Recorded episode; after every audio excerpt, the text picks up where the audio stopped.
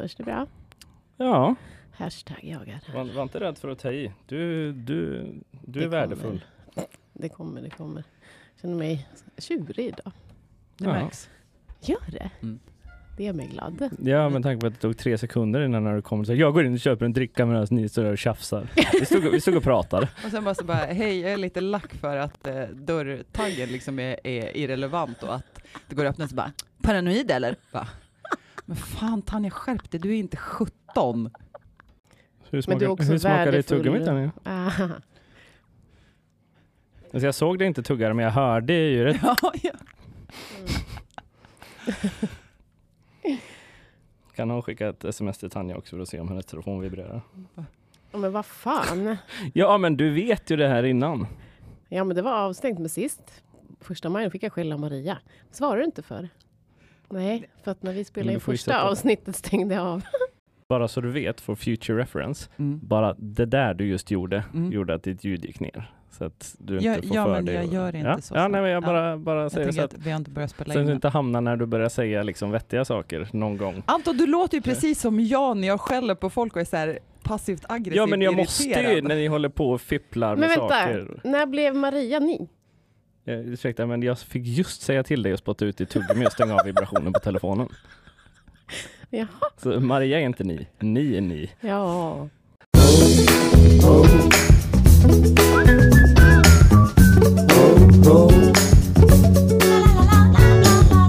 Hur tänkte ni där? Avsnitt fem av Hur tänkte ni där? Och vi är fullt manskap igen. Ingen teknik har strulat än. Eh, Eller jo, det har den lite grann. Men å andra sidan så var vi av den uppfattningen så här långt in i förra avsnittet också. Tanja Karpinen är tillbaka på alla möjliga sätt. Känns det bra? Känns bra. Ja, härligt. Maria Hufflepuff Kesselring är också här och en fågel har viskat i mitt öra att du faktiskt varit på jakt efter Harry Potter-souvenirer efter det senaste avsnittet. Ja, men det stämmer. Hur har det gått? Det är jättedåligt. Varför det? För att det inte fanns. Inga souvenirer alls eller? Jo, det fanns jättemycket souvenirer, men eftersom eh, jag letade efter en specifik souvenir till en specifik person... Per, jag letade efter en specifik souvenir till en specifik person och just den souveniren fanns inte. Det fanns bara Hufflepuff för att ingen vill vara Hufflepuff, eller hur? Exakt så faktiskt. Ja. Och jag heter i vanlig ordning Anton Tysklind och för dig som var nere i stan Eh, i söndags för att bevittna första maj-tåget var jag han som sprang längs hela tåget. Eh, var förmodligen en hårsmån från att bli tacklad av Ardalan Shekarabis personskydd. Allt detta för att få tåget att sakta ner så att alla skulle kunna hänga med. Men tyvärr så visade det sig att när man går första maj-tåg finns det bara en fart, vilket gör vissa personers roll i tåget överflödig. Men jag är inte bitter. Det där sista kommer bara ett visst fåtal människor att förstå och för fridens skull så ska det också vara så. Mm.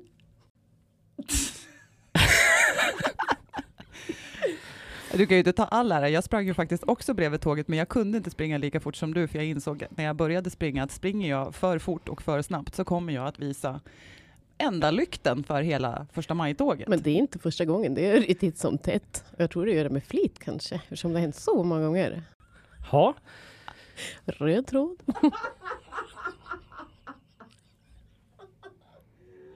Fan vad dumt. Förlåt. Hur tänkte ni där? I söndags så var det arbetarrörelsens högtidsdag, första maj. Och utanför växthuset samlades fackföreningar och socialdemokratiska dignitärer för att fira med varmkorv, demonstrationståg och tal. Tanja, kan du förklara vad första maj är och vad det är för arbetarrörelsen? Det började för länge sedan att arbetarrörelsen, jag tror det var en demonstration för åtta timmars arbetsdag och så vidare, var där det började. Och så har det fortsatt som en tradition och det är en arbetarrörelsens dag mer eller mindre världen över. Som faktiskt idag är lite ifrågasatt som en gammal tradition. Vad håller sossarna på med? Det är en typisk sån här, hur tänkte ni där-grej. Mhm.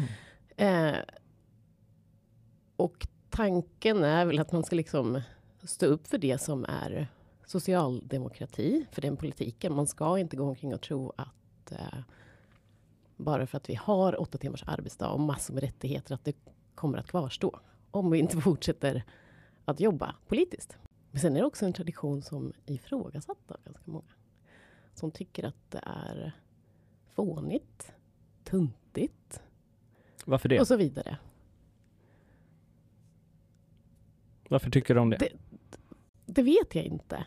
För det får man liksom inget bra svar på. Utåt sett så upplevs det kanske lite Det har blivit kallat för sektbeteende. Jag tänker att de som kraftigt ifrågasätter första maj egentligen inte förstår varför första maj är så viktig för arbetarrörelsen. Dels så är det ju en dag som har en lång historik. Mm. Alltså du har eh, Haymarket-massakern som ju då var den 4 maj, men där man har valt att hedra minnet av de som faktiskt dog, som demonstrerade för Mm. åtta timmars arbetsdag. Det många inte förstår är att de rättigheter som vi tar för givna idag, som föräldraledighet, arbetstidslagar, åtta timmars arbetsdag, fem veckors semester, alla de sakerna har kommit till tack vare en arbetarrörelse, en facklig kamp och en facklig politisk kamp. Och det här kan försvinna. Vi ser ju redan nu liksom hur många olika företag försöker kringgå olika regler och lagar. Men senast igår så hörde jag ett exempel om en person som under sina 20 år på ett företag aldrig har haft mer än 15 minuters lunchrast. Och det kan ju låta så här, ja, men det kan man ju komma överens om tillsammans. Ja, fast vi har ett gemensamt ansvar. Och det är väl där skillnaden är. För oss så är det viktigt att visa att ja, men vi har ett gemensamt ansvar. Vi har ett gemensamt kollektivt ansvar för varandra och vi måste värna den och vi måste stå upp för den. Och tappar vi det och börjar göra om det till, ja, men som KD har gjort runt om i landet, till en familjedag, då förstår man inte hur skört det är. Och det är därför första maj för mig är superviktigt. Sen tycker jag att det är roligt med första maj. Jag tycker att det är kul. Jag tycker att det är roligt att se många socialdemokrater. Jag tycker också att det är kul att se många vänsterpartister, men människor som verkligen värnar och som gör det här för alla och inte bara för sig själva. Att man verkligen visar på att ja, men, vi gör det här tillsammans. Så jag tycker att visst, du behöver inte gå i tåget själv. Men pissa inte på dem som faktiskt jobbar för att du ska ha det bra. För det är ytterst få i Sverige som idag inte på något sätt drar nytta av resultatet av en lång kamp som socialdemokratin tillsammans ibland med Vänsterpartiet, men framförallt tillsammans med de fackliga har fört. Just det här, jag tycker det är farligt att man tar saker och ting för givet. Mm. Och tror att det ska bara fortsätta. Jag vet ju ställen som inte ens har lunchpauser fast de jobbar åtta timmars ar- arbetsdag. För det ska du lyckas med i alla fall. Och då har de inte riktigt bra... Ja, men det är väl det också som är fördelen, att, att många säger så här, men vad ska man vara med i facket för? Och facket har spelat ut sin roll och det är bättre när vi bestämmer själva. Ja, fast ensam är aldrig stark. Du kan vara oerhört stark som en individ, men på det stora hela så finns ju styrkan i, alltså strength is in numbers. Och det är viktigt att komma ihåg att gör vi saker tillsammans så går det att sätta tuffare krav. Och det är bara att se hur, hur det har sett ut nu med eh, lönediskussioner och avtalssättningar där man faktiskt har gått ut i strejk för att arbetsgivare har försökt att runda och kringgå och försämra villkoren för många anställda. Alla behöver inte tycka om samma saker och som du sa, Nej. man behöver inte gå i första maj-tåg och sådär. Eh, känner ni till, utan att behöva nämna namn eller så, socialdemokrater som bara, fy fan vad jobbigt, men jag gör det och ställer upp för laget. Eller så här, vill inte ens eh, vara med i de sammanhangen just för att det är väldigt många som ifrågasätter och undrar vad fan sossarna håller på med. Och sen är det ju inte bara sossarna som har första maj-tåg, men det är de som ofta är uppmärksammade. Vad tänker du Anton? Ja, nej, men alltså det, det du säger, ja, det är inte så att jag känner massa människor som ifrågasätter första maj. Men eh, som en person som jobbar eh, eh, som tjänsteman i statlig verksamhet så kan jag säga att facklig, den fackliga verksamheten den är relativt frånvarande på min arbetsplats. Så att jag är ju inte en person som liksom känner att det här är någonting som påverkar mig och min vardag annat än vid dåliga lönesamtalet när de säger att eh, om du är med i facket så kan du ifrågasätta det här. Om du inte är med det så fuck you. Eh, pun intended. Nej, det var det faktiskt inte. Men gud vad bra det blev. Eh, och där så tror jag att det finns någon slags relevans i att ändå ta upp, eh, om man ska vara lite djävulens advokat här och ta upp föreningsfriheten. Vi har rätt att vara med i vilken förening vi vill. Vi har också rätt att stå utanför vilken förening vi vill. Och då är det inte jättesvårt att göra argumentet att har jag rätt att stå utanför en fackförening, men då tappar jag rättigheter på min arbetsplats. Inte för att jag liksom har förhandlat sämre, utan för att min arbetsgivare vill inte ens förhandla med mig alls. Men jag tänker att det står ju den fritt. Arbetsgivaren ja. Ja, det står ju arbetsgivaren fritt, det står dig fritt och det står också facket. Som det är idag så har vi ju de flesta saker som facket har förhandlat fram, alltså de stora sakerna, vad det gäller arbetstid, vad det gäller ledighet, semester, eh, föräldraledighet, alltså de bitarna, de åtnjuter ju alla, oavsett om du är medlem eller inte. Mm. Men jag tycker att det blir skevt när den som inte vill vara medlem i ett fackförbund vill ha exakt samma förutsättningar och exakt samma förhandlingsläge som facket har. Jag, jag, tycker att det blir konstigt, för då, då vill du liksom glida på någonting där andra människor lägger ner tid, energi, pengar och ibland också blod, svett och tårar. Men du vill glida liksom på den, den vågen som de förbereder, men du vill inte ta ansvaret som det faktiskt ändå innebär att ta den ställningen. Men, nej, men det jag menar är att då att man skulle ha rätten att förhandla om sina egna arbetsvillkor. Den rätten har man ju inte idag. Nej. Och då har du egentligen inte en praktisk föreningsfrihet om det är olika rättigheter. Och då, då menar jag inte de slutliga villkoren man kommer fram till, utan rättigheterna att få vara med vid förhandlingsbordet överhuvudtaget. Fast det tycker jag inte alls stämmer. Du har ju visst det. Du har villkor som är överenskomna att de här sakerna kommer parterna att förhandla om. Det vill säga arbetsgivarorganisation och arbetstagarorganisation. Det har man kommit överens om. Det finns med. Det är förutsättningar som du vet om när du skriver på.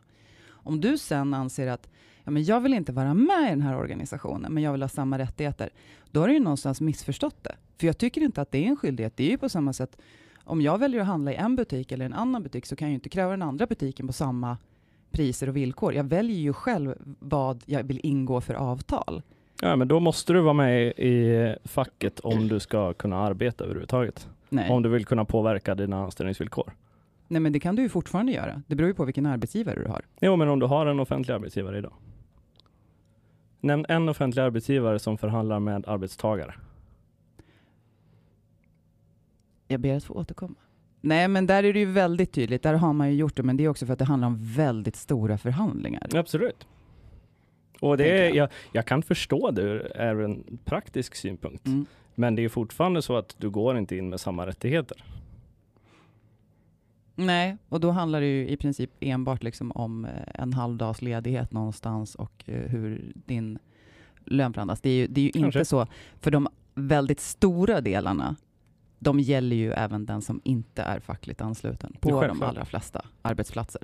Och det är där jag menar att jag tror att folk skulle förstå vitsen med de fackliga organisationerna ännu mer om det var mer åt det hållet som du uttrycker det. Jag säger inte att jag propagerar för att jag förespråkar det. Jag tycker ju lite grann att det är det fina, att faktiskt visa på att ja, men vi jobbar även för dig som inte ens tror på oss, Mm. så gör vi det här. Men om man inte åtnjöt de eh, fördelar som, och eh, avtal som facket faktiskt har ingått, om man inte var medlem, då tror jag att folk skulle förstå vitsen med facket på ett helt annat sätt än man gör idag. Absolut, och då hade det verkligen varit en fråga om att eh, vara med eller stå sitt kast på något vis. Nu följer du ju med mer eller mindre det Mm. facket har eh, förhandlat fram oavsett om du är med i facket eller Mm. inte, på både gott och ont. Mm. Och då, då är det ju ganska lätt att säga varför ska jag ens vara med? Mm. Nu är jag med i facket, vill jag bara klara det. Men, Men jag bara förstår vad du annat. menar, för jag har gjort sådär förut när jag var yngre. Jag vad fan ska jag betala fackavgift för? Jag får ju samma liksom saker ändå. Ja, men för att citera en eh, svensk företagares sommarprat. Vad får jag för pengarna? jag glömde bort vad han heter. Men, men en sak som jag vet att många, många tog, jag jobbade inom en bransch eh, där kollektivavtal inte var så poppis. Jag jobbade inom restaurangbranschen som Mm. bartender flera år. Och eh, där fick jag alltid höra, men du har ju högre lön nu. Sätter vi kollektivavtal kommer din lön att sänkas. Dels är ju det bogus. Kollektivavtalet är ju inte tvingande på så sätt. Den sätter ju liksom eh, ett avtal. Men för mig handlar det ju inte om det. Det handlar ju om om villkoren, om rättigheterna, att ha en arbetsgivare som man vet sköter sig. För det hade jag ju inte alltid. Man plockade in folk som var 16 som fick jobba till tre på morgonen och när man påtalade att det här är inte okej så fick man liksom onda ögat. Men det, det handlar ju liksom om att säkerställa att det finns försäkringar, att det finns skydd, att man betalar vita löner, att man bidrar till att betala in pensionsavsättningar. Alltså de bitarna. Det är ju minst lika viktigt. Det handlar inte alltid om lön, som väldigt många på den borgerliga sidan verkar tro. Det är inte bara pengarna. Det är ju också så mycket mera. Alltså trygghet och säkerhet och en pålitlighet. Självklart är det så, men det är enda anledningen till att det bara märks när det kommer till lön är ju att det är det du har ett samtal om varje år. Du har inte ett samtal om vilka försäkringar du har, pensionsavsättning och så vidare, utan det Um, antar jag. det beror väl på. Nej, men det beror ju faktiskt på vad du har för arbetsgivare och vad du har för samtal. Jag Okej, tycker det är spännande. En gång till. Nämn en offentlig arbetsgivare som skulle ha men det pratar, samtalet men du pratar ju bara om, om jag, offentliga. jag, jag pratar om det offentliga för att när det kommer till liksom eh, jag, jag sätter off, det offentliga, jag har ribban högre ja, för okej. dem. Jag kan förstå om en eh, privat arbetsgivare tycker att det ska finnas kollektivavtal överallt, men jag har inte ribban lika högt vad jag, vad jag förväntar mig Okej, av dem. okej. Det offentliga har jag förväntningar på. Och därför menar jag att det är skillnad helt enkelt. Det här är ju sånt vi måste förbereda oss på innan, liksom, så att vi kan ha en ordentlig debatt. Jag, kommer Jag tycker att vi har en ordentlig debatt. Ja, men jag är lite Du vill ju bara lite... få mer på fötterna för att kunna slå ner på det jag säger. Exakt. Ja. Exakt så. Nej, men, men jag håller ju med. Alltså jag förstår ju vad du säger. Men jag håller inte riktigt med dig för att jag värnar liksom den hela processen, alltså den svenska modellen på ett annat sätt och tycker att ja, då Ja, så. alltså, och- Det- ja. Det jag hör är att Anton säger att det märks inte. Och det jag hörde att Maria säger, fast det är ju allt det här. Mm. Och jag håller med Anton, för det märks inte. Och det är också saker man tar för givet. Ja. Som vi har pratat om. Men det är ju det, För det märks inte. Nej, men det är ju, plockar du bort det? When the shit hits the fan på något vis. Ja men så är det verkligen. Och jag pratar ju också från en väldigt privilegierad eh, eh, position. Mm. Att eh, liksom, jag är fast anställd på offentlig myndighet som tjänsteman. För, nu har jag ingen aning om hur lönesnittet ser ut i Sverige, men jag tror jag tjänar mer än det. Så att jag är ju inte den personen som framförallt är i behov av fack. Det är ju framförallt eh, personer med ska man säga, alltså lä- lägre löner som har generellt sämre villkor, som kanske jobbar åtminstone fysiskt hårdare. Mm. Eh, det är där fackföreningarna verkligen behövs för att säkra de här basala rättigheterna. Mm. Mm. Liksom allt jag säger är utifrån en, en lyxposition på något vis. Men där tänker jag att där skulle ju fackförbunden kunna bli något mer, missförstå mig rätt, relevanta för tjänstemän i din och min och Tanjas position. För vi är ju alla liksom anställda på ganska bra villkor, ganska trygga anställningar. Liksom. Mm. Vi, vi har det bra. Men någonting som jag tror att vi alla har sett på våra respektive arbetsplatser är inte en fysisk påfrestning på det sättet som man kanske ser hos de som har traditionella arbetaryrken. Men den psykiska påfrestningen, den psykiska belastningen, och den psykiska stressen och den psykosociala arbetsmiljön har ju försämrats för väldigt många tjänstemän. Tittar man i Sverige så är den största gruppen sjukskrivna idag är medelålders kvinnor som är sjukskrivna på grund av någon form av psykisk ohälsa.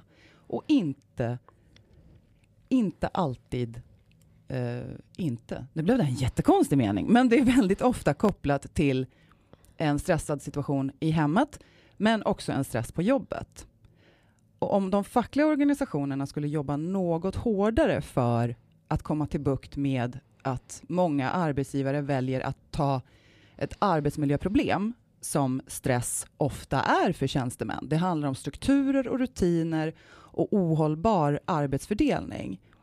Men när någonting händer så väljer man att lägga det på individen.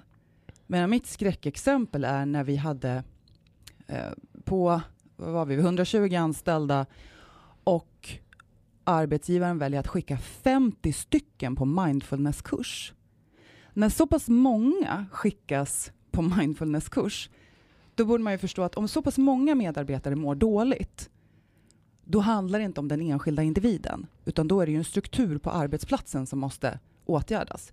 Sen sätter man in åtgärder efteråt, men det finns en tendens att välja att se att psykisk ohälsa kopplat till arbetsplatsen ligger hos individen och måste hanteras av individen. Trots att jag tror att det är ganska så universellt att det många gånger handlar om arbetsmiljöfrågor som arbetsgivaren skulle kunna ta ett större ansvar för. Och om facken jobbade mer med de frågorna och faktiskt visade på att man kunde påverka och att man gjorde saker, då kanske flera tjänstemän skulle förstå relevansen. Eftersom tjänstemän tar alla de här andra sakerna för givna idag. Absolut. Hur tänkte ni där? Men för att gå tillbaka till eh, söndagen då.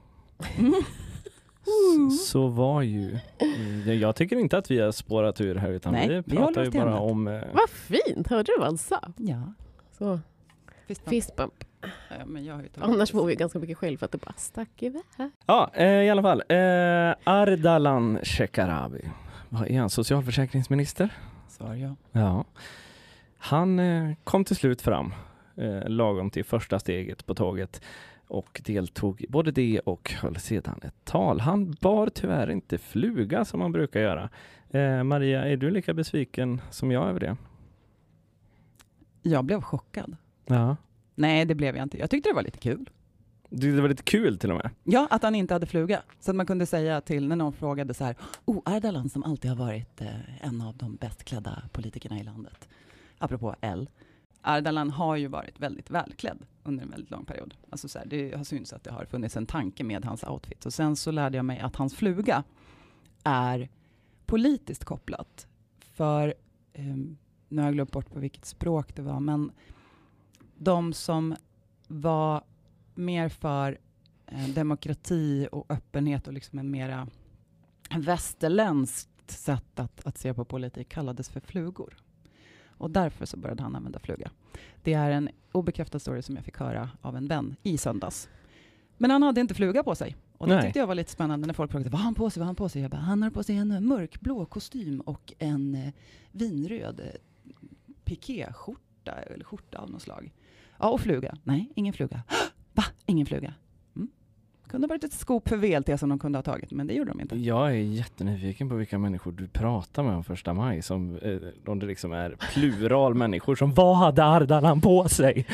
Det var tre stycken som gjorde det. Tror jag att han knyter sina flugor själv?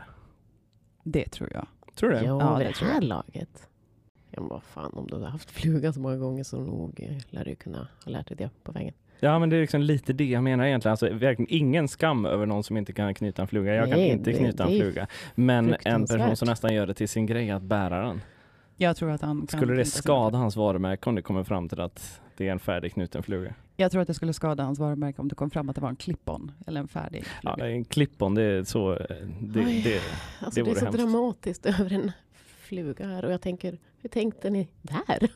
det liksom är... Ja men säg att det är en klippon liksom. Det är bara något han sätter så. Jag rätt på ju- går. Då skulle ju folk bara... det- Han, han är fake. Typ inte bry sig. Nej men inte du nej.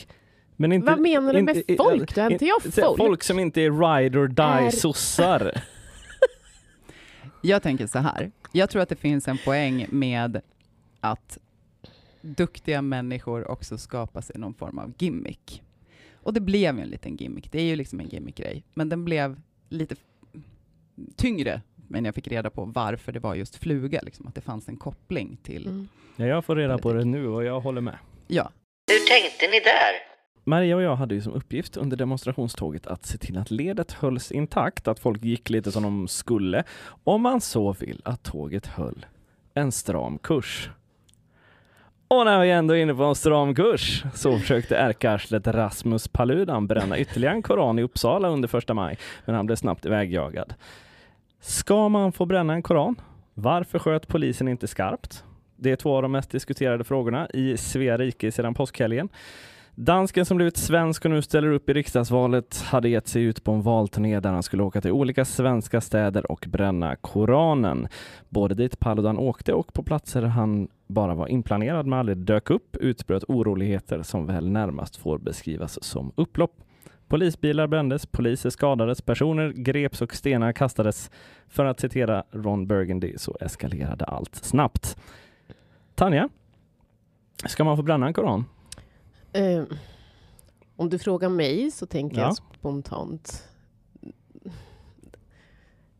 Det finns två perspektiv. Det är någon som säger ah, men det är en bok och det är min bok. Ja, okej. Men jag tänker en koran är ju fortfarande någon typ av helig skrift. Där jag tänker att frågar du mig så går jag på känsla tänker jag så här, såklart inte. Så tänker jag. Vad tycker du? Och vad tycker ni? Absolut. Jag tänker att det är inte förbjudet att bränna böcker i Sverige. Nej. Det är olämpligt och osmakligt och eh, handlar enbart om ren och skär provokation. Men det är inte olagligt att bränna böcker. Borde det vara det? Nej, men jag tycker väl att det handlar i det här fallet mera om vad man lägger in i yttrandefrihet än boken i sig. Jag kan tänka mig att det finns ganska många som skulle reagera kraftigt på om någon under julottan eller midnattsmässan ställde sig och eldade en bibel utanför domkyrkan. Mm. Jag har svårt att tänka mig att man skulle vara lika försvarande av att polisen har beviljat ett sådant tillstånd som man kanske har varit nu. Och jag tänker att det här handlar om någon form av strukturell tanke där man värderar en religion högre än en annan i landet. Vi har religionsfrihet, vi har yttrandefrihet. Att bränna en bok är inte olagligt. Jag tycker inte heller att man ska börja bestämma vilka böcker som man får bränna respektive inte bränna. Men jag kanske inte tycker att det är rätt att bevilja tillstånd att göra en sån manifestation under en helig månad under fredagsbönen framför en moské. För där tänker jag att ja, han får absolut säga det han vill säga. Men han måste ju också sen också kunna stå till svars för det han har sagt. Och han har blivit dömd för hets mot folkgrupp och han har blivit nekad tillstånd till att demonstrera i många olika länder. Och nu har han ju också fått eh, blivit nekad tillstånd att demonstrera i Sverige med. För att polisen har gjort en annan bedömning än man gjorde initialt. Ordningslagen är ju tydlig. Kan man inte garantera ordning och säkerhet så kan man neka en demonstration. Och där är jag förvånad över att man tillät de här manifestationerna initialt. Inte för att jag inte tycker att han ska få säga det han säger. Vilket jag ju självklart inte tycker att han ska göra. Jag tycker att det är en väldigt fånig Du grej. pratar ju om rättigheter. Ja, ja, men alltså precis. här, utan att gå in i en känsla. Han- Det finns ju rättigheter. Ja, precis. Men man har på andra håll nekat demonstrationstillstånd eller valt att förflytta demonstrationerna till en annan plats. För att man har gjort bedömningen att här kan det bli eh, fara för, för allmänheten eller här kan vi inte garantera säkerheten. Och det tänker jag att det kanske man borde ha förstått innan att gör man det här så kommer det att hända ganska otrevliga saker. Nu blev det ju extrema konsekvenser som jag inte tror att vi hade räknat med i Sverige. Men med det sagt så vill jag ju också säga att den här tanken om att ah, men nu var det massa islamister. Många pratar ju om att det var islamister som, som var upploppsmakare. Det vet du ju inte. De här människorna som kastade sten på polisen, som betedde sig, som eldade bilar och som gjorde en massa saker. De som har blivit, eh, man säger inte arresterade, men de som har blivit häktade och de som har blivit anhållna, de ska ju lagföras, de ska ställas till svars. Absolut, för så gör man inte hur arg man än är. Vi har Mm. liksom en annan ordning att gå. Men det finns ju många som nu också påtalar att ja, men på samma sätt som fotbollshuliganer inte alltid bryr sig om fotboll, men de gillar att eh, ställa till stök, Mm. så fanns det här många som inte alls var troende muslimer. För det ingår ju också, är du en extremt troende muslim så kommer du inte att ta till våld under ramadan. Det gör du inte. Och där fanns det ju många församlingar, bland annat i Örebro så valde ju en församling att en muslimsk församling och en kristen församling valde att tillsammans ha liksom en lugn manifestation vid sidan av och göra aktiviteter tillsammans för att visa att vi kan umgås, vi vill umgås. Det här är inte de vi är. Och det måste man ju se i, i sammanhanget, tänker jag. Att de som vill slåss, de kommer att hitta anledningar till att slåss. Och då behöver inte vi som samhälle ge dem de möjligheterna. Sen kan jag ju förstå att man kan bli provocerad. Men jag tänker att Men- då gör man som man, man gjorde i Jönköping. Man ger honom ingen uppmärksamhet. Nej. Nej, alltså man får ju ändå se det här för vad det är. Han gör ju en provokation för att han vill visa folk att titta, eh, muslimerna är barbarer och islam är en avskyvärd Exakt. religion. De kommer bara försöka förstöra världen om vi tillåter dem. Och Exakt. att svälja det här betet rätt upp och ner, det är direkt ogenomtänkt tycker jag.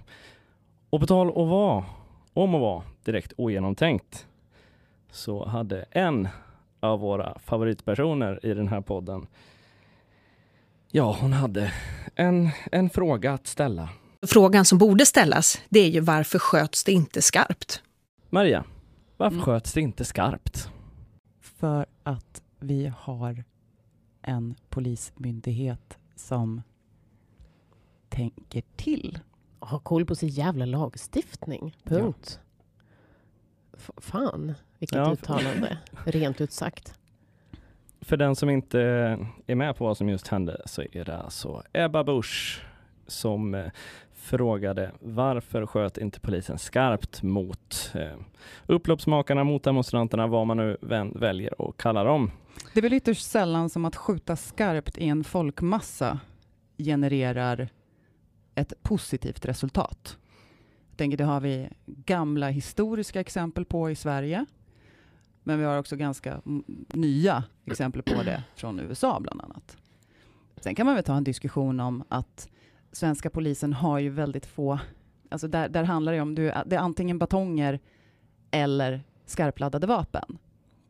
Mm. Men det tänker jag att det är ju polisens fråga att göra bedömning, önska andra möjligheter och i sådana fall också liksom implementera det. Men det är ju inte politiken som ska säga att man ska skjuta på demonstranter när man inte vet vilka som är vilka och hur de beter sig. Som eh, Leif GW Persson sa, hon kan inte ett pille kvitt om vapen. Kul att du tar upp det. Vi kan lyssna på vad han sa. Att, att i ett sånt här läge med användning av en pistol med mycket kort pipa, avlossa skott, den risken då för att även en mycket bra skytt, vilket hon inte är, va? att eh, ställa till med elände i form av rikoschetter och bommar och sådana kulor som får som bålgetingar runt öronen på, den är mycket hög. Va? Om detta har Ebba Busch inte en aning. Va? Men eh, både Ulf Kristersson och Jimmy Åkesson har ju backat upp Ebba i det här. Vilket jag tycker är... Eh, när du har en sån hög position som partiledare och väljer att börja uttrycka det och backa upp människor eh, som uttrycker sig så illa som Ebba Busch gjorde. Det blir ett farligt klimat i samhället. Nej, men jag, jag tänker att vi har ju problem idag. Den diskussionen har vi haft tidigare om sociala medier och logiken och algoritmer som gör att det vi, är, det vi gillar får vi se mer av. Och det gör ju att ganska marginaliserade grupper i samhället kan uppleva att de är väldigt många fler än vad de faktiskt är, för att de ser många med likartade tankar eh, i, i de flödena som de har. Men när personer med så pass stort inflytande och framförallt så pass stor plattform som de här tre partiledarna faktiskt har, någonstans backar upp ett sådant uttalande, då kan det ju bli farligt på riktigt. Mm. Om inte annat så för att debatten blir så skev och att gränserna för vad som är okej förskjuts. För det är ju som man säger, vi har en rättsstat i Sverige. Det är inte, alltså polisen är inte bödel på det sättet. Med det sagt så ska vi säga så att ingen missförstår. Det är fruktansvärt att poliser blev skadade. Du ska inte bli skadad på jobbet, oavsett vad du har för jobb. Och det ska inte urarta på det här sättet. Det är inte acceptabelt att bete sig på det sättet som många gjorde. Men att skjuta skarpt mot folkmassor på det sättet, det, det ska inte ske. Nej men alltså att en ledande politiker överlag är inne och recenserar polisens arbete direkt Ja. efter en händelse. Det är ju olämpligt i sig och att göra det på det här sättet, det är ju... För det här är skitsvårt. Och då tycker jag framför allt att våra politiska ledare ska hålla sig jävligt långt borta från att berätta för polisen hur de ska göra. Verkligen. Det där är, det gör mig så arg. Att de har så ledande positioner och så vräker de ur sig sådana här saker. Om ni borde ha, ni skulle ha, det här ska ni göra. Men så är det väl alltid. Alltså politikens roll är ju att någonstans sätta ramarna, ge förutsättningar, men också att lita på professionen. Exakt. Och det är oavsett om det handlar om polisen eller om skolan eller om vården, alltså vad det än är. Du kan ha en vision, du kan ha en tanke, du kan ha en åsikt. Men vissa saker, då måste du ju liksom ändå följa den formen och den, det samhället, alltså den strukturen vi har. Hur tänkte ni där? Med detta så tror jag att vi lägger avsnitt fem bakom oss och blickar framåt mot sommaren, valrörelsen och framförallt ser fram emot eh, fler avsnitt.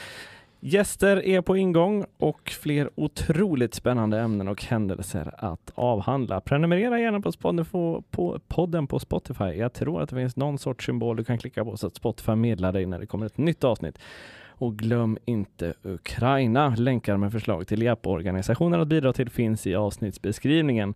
På Instagram heter vi Hur tanken idag, där vi också kommer att informera om vad som händer i avsnittsväg. Om du vill mejla till oss så är det hurtankenidag.gmail.com eller spela in ett röstmeddelande till oss genom att klicka på länken i avsnittsbeskrivningen. Och glöm absolut inte vårt stretch goal som vi redogjorde för i förra avsnittet. 300 personer ska ha lyssnat på varje avsnitt innan valet så blir det musikaliskt kalas på något vis. Och tills nästa avsnitt, vi hörs. Hej då! Hej hej!